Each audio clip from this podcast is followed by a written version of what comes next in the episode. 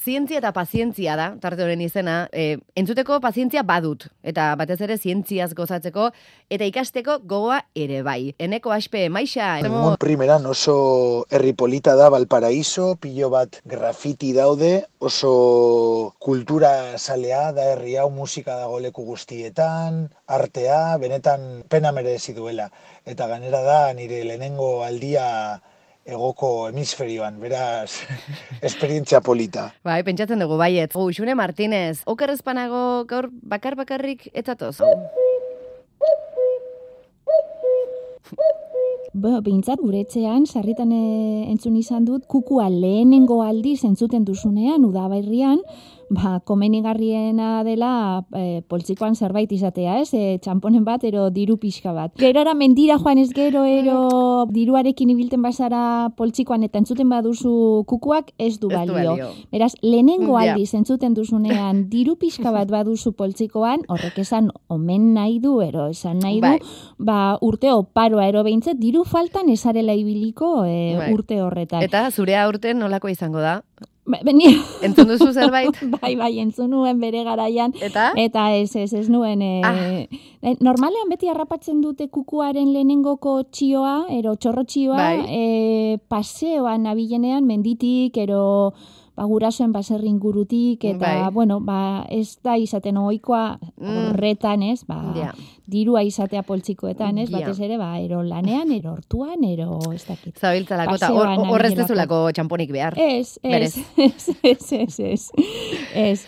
Bueno, bai. Oparo Bai. ez dakigu izango dan urtea, baina kukuen inguruan eta zehazki beraien arrautzen inguruan aurkikuntza egin dute. eh? Jakin badakigu kukuak eh, nahiko etxori bereziak direla, ez? Eta zientzialariek egin dute ikerketa bat eta berretsi dute duela, ba, mila bederatziren eta hogeta margarren urtetik aurrera zegoen hipotesi bat, ez? Ba, nola kukuak eh, amarru berezi bat egiten duela eta da arrautzak faltzutu egiten dituela. Bere Mhm. arrautzak faltzutu beste txoriero egazti batzuen arrautzen antzekoak izan daitezan. Ba, kukuarekin lotuta, erramuetan kuku, San Pedrotan mutu. Zer esan nahi du? Bueno, ba, kukua normalean udaberriaren bueltan etorten dela gurera, eta Bai. udan egiten duela alde. Ez da erraz ikusten dugun txoria, baina bain entzuten duguna. Ez dugu erraz ikusten batez ere, ba, hori ba, sastraketan eta sasien artean eta gordeta egoten delako.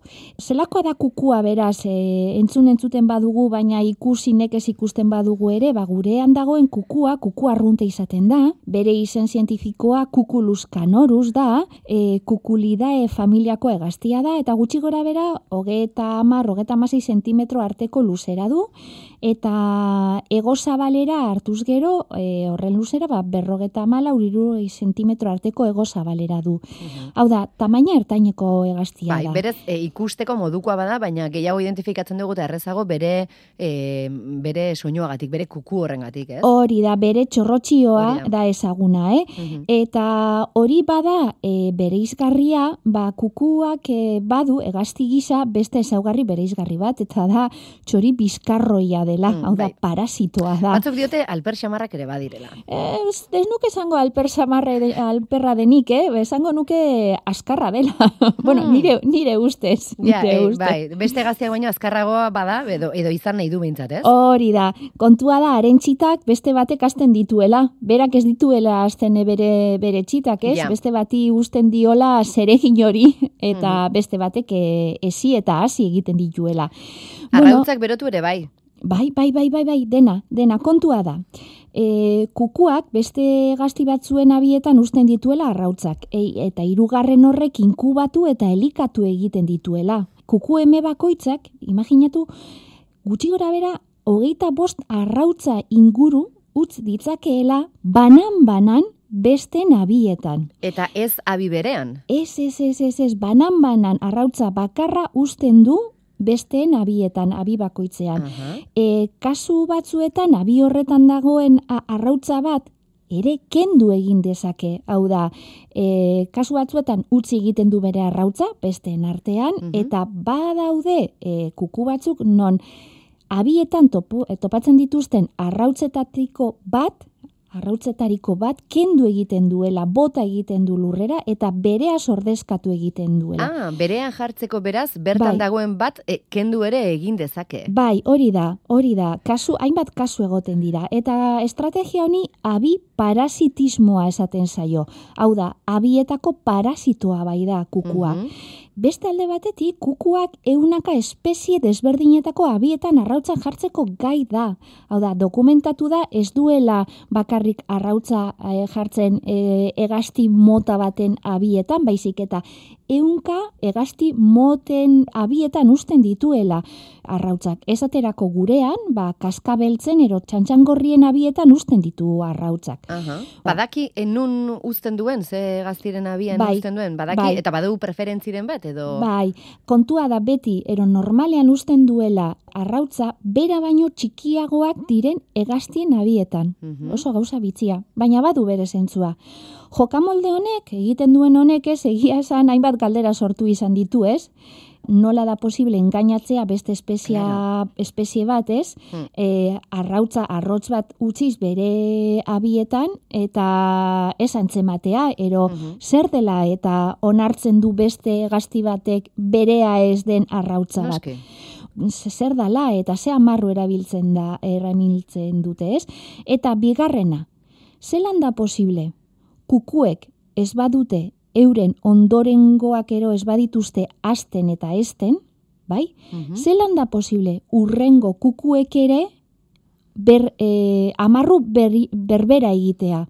Ero e, jarraitzea engainu horrekin, hau da, Mhm. arrautzak beste batzuen abietan ustea. Zelan da posible hori, ez? Bai. Bueno, ba, galdera hauek e, zientzialariak e, astoratu izan ditu e, mende bat baino gehiagoz, eta duela gutxi e, Cambridgeko Unibertsitateko eta Bostongo Unibertsitateko zoologia saietako iker- ikertzaileek talde bat osatu zuten eta ikerketa bat egin zuten.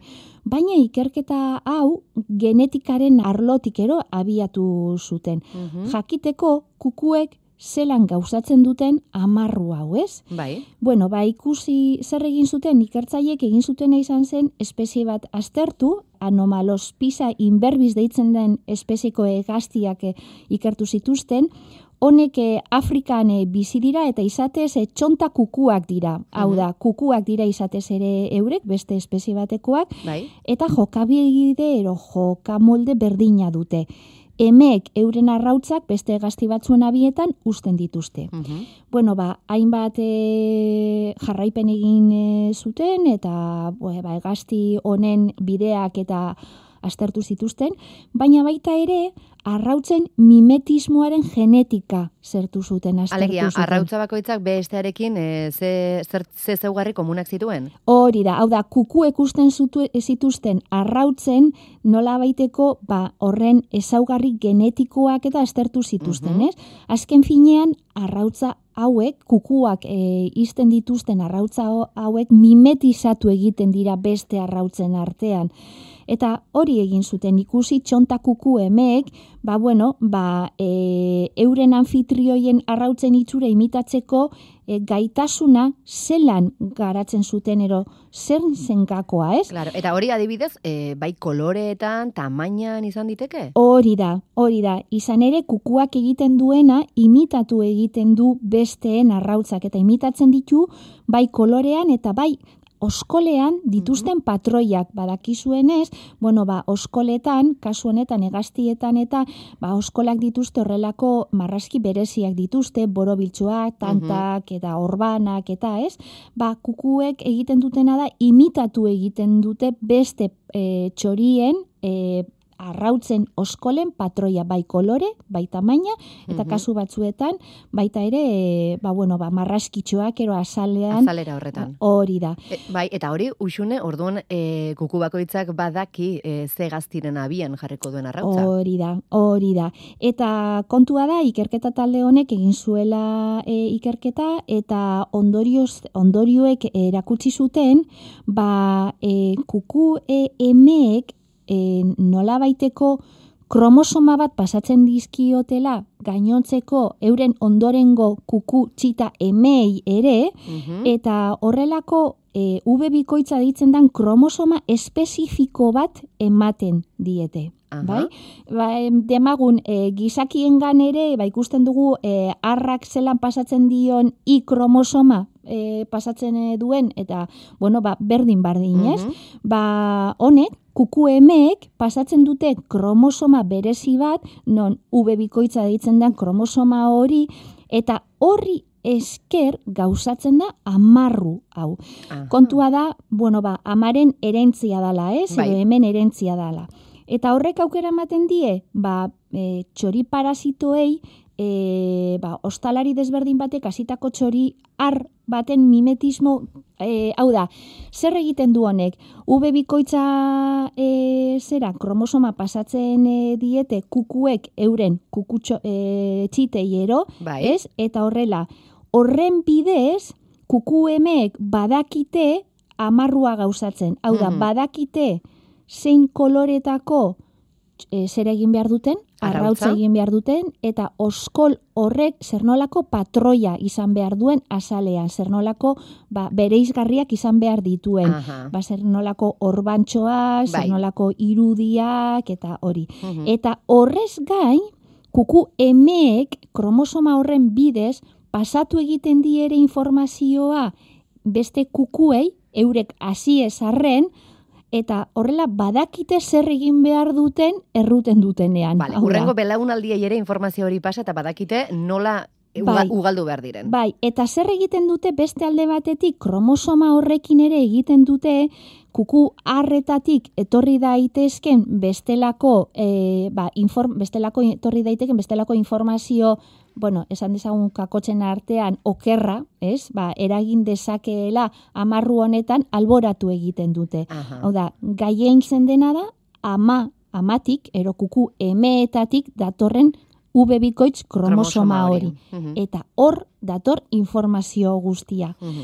Bueno, eta kontua da honekin e, berretzi egin dutela, ba, mila beratzen dogeta amargarren urtean gutxi gora bera, lehen aldiz, ornitologoek proposatu zuten hipotesia, eta hipotesi horrek esaten, zut, esaten zuen Europako kuku komunak gai direla hainbat espezie e, ostatatzaien arrautzak imitatzeko, eta Bai. amarrua emetik emera transmititzen zela. Mhm. Eta ikertzaliek ikusi dute, ba, baietz, e, horrela dala.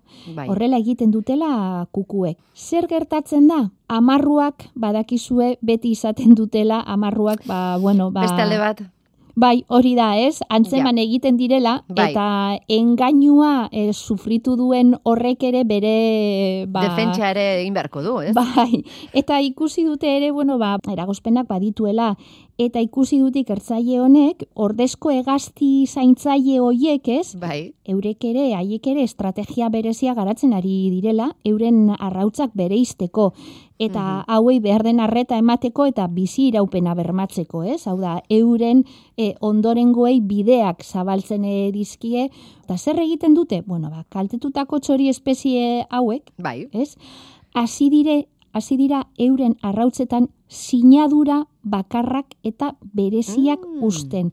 Hau da, Mhm. Kukuak egiten- imita, imitatu ezingo dituzten sinadurak. hori da, arrautza bakoitzak marka berezi bat du. Hau da, e, ez e, arrautza bakoitza desberdina da e, erruten duten guztien gandik. Eta zer gertatzen da, bueno, ba, e, hainbat koloreko, e, hainbat kolore nahastuz egiten dutela oskola. Ba, adibidez, egin beharrean e, berde koloreko oskola, ero gorri koloreko, ero arre koloreko Bai. oskola, txori hauek hasi dira euren e, arrautzen oskolak hainbat koloreetako nahasketaz e, eginda. Hau da, imaginatu da, e, gutxi gora bera egiten dute ba, urdinarekin, zuriarekin, gorriarekin, ero oliba berdearekin. Mhm. Nahastu egiten dituzte kolore horrek eta e, arrautzaren e, oskola ba, kolore horren nahazmena Bai. litzateke, ez? Eta helburua da kukua pixka bat nahastea, ezta? Bera, da. berarentzako ere em, faltsifikatze hori zailagoa izan dadin. Hori da, eta patroiak, patroiak aldatzen ari dira, oskoletan tantatxoak, orbanak, eta horrelako iruditxoak agertzen dira, ba, hor, patroi horrek ere, Mhm. eh, oskoletan agertzen eh, direnak ere, ba, birmoldatzen ari dira, Mhm. bereizten ari dira, aldatzen ari dira, kukuak zail izan dezan, hauek, ba, imitatzea, ez? Eta parasito espezie honi aurre egiteko eta euren abietan ez usteko arrautzarik. Bueno, e, kukuen mundua eta kukuak eusten dituzten arrautzei, ba, bueno, beraien defentsa eta eta beraien arrautzak ere defenditzen dituzten gainerako hegaztien mundua. Abi parasitismoa dela hau esan duzu, ez da, Bai, Uxune? abi parasitismoa, esan Mhm. nahi du, ba, a, abien parasitoak ero bizkarroiak direla. Azken finean, e, ba, abi hoietan usten dituztelako euren eh, arrautzak beste bat ezi eta asteko. Mhm. Bai, Eneko, Maixa, zu gaur ere etzara bakarrik etorri.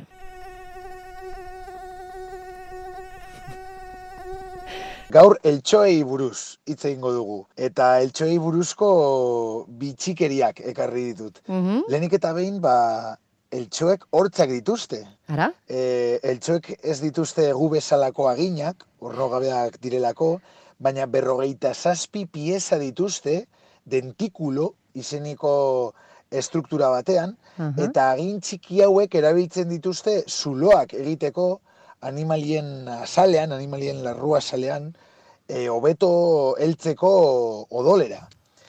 Eta, por cierto, emeek bakarrik pikatzen dute, Ara?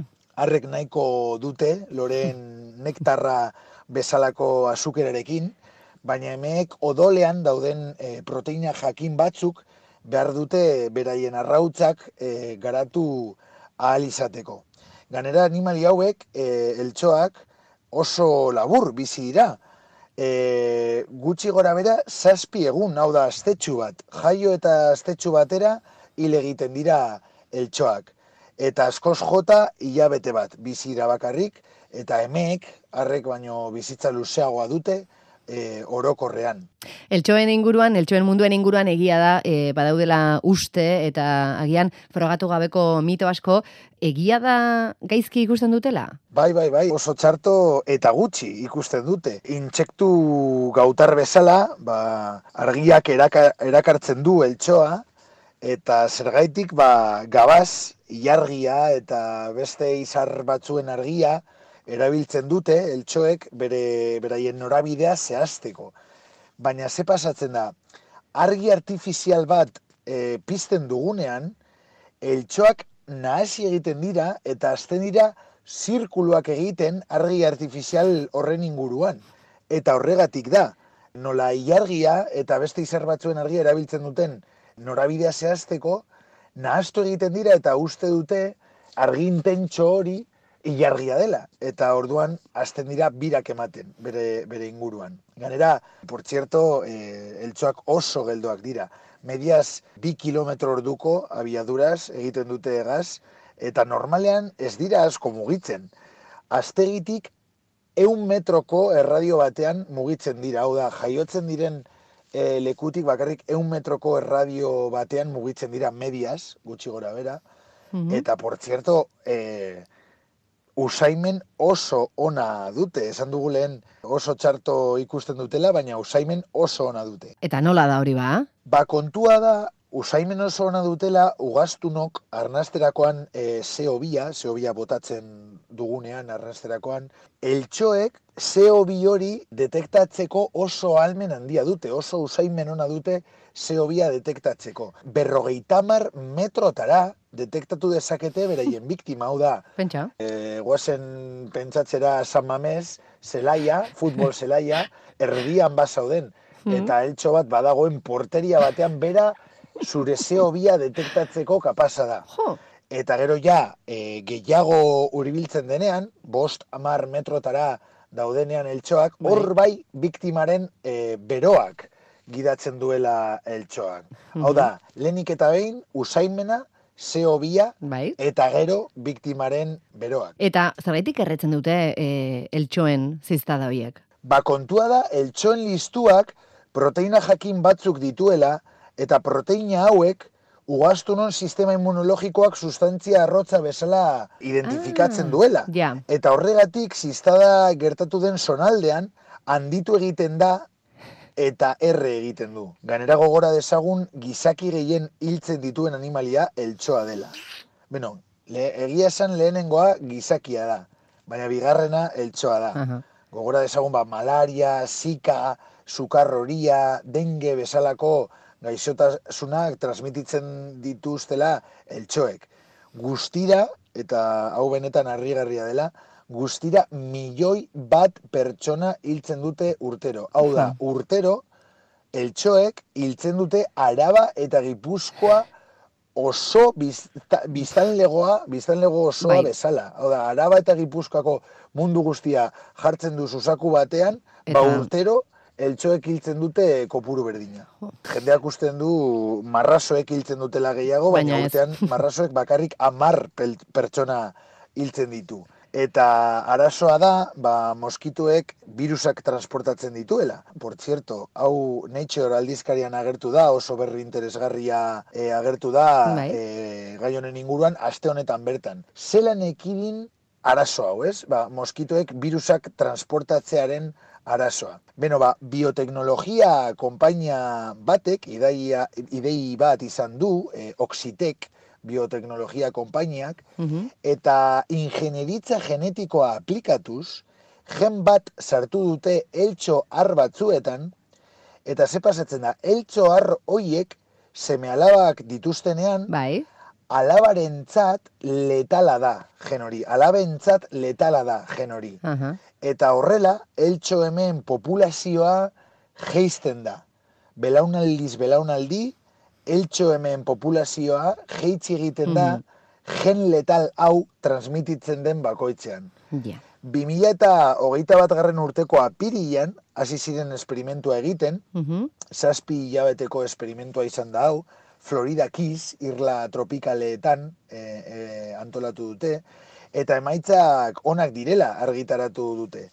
Baina, populazio handiagoekin, nahi dute egin urrengo pausua, Mhm. ikusteko ea gaixotasunak transmititzen dituzten eltsoen populazioak geisteko kapazak diren. Ikus dezagun, baina benetan aurrerapen teknologiko handia Oxitek bioteknologia konpainia honena. Mhm. Ba, adi-adi jarraituko dugu. Eskerrik asko, eneko, eta aizu, ba, ondo pasa txilen, eh? Eskerrik asko zuei, besarka da haundi handi bat, agur agur! Eta Uxune Martinez, zuri ere eskerrik asko, Ondo ondo ibili, agur!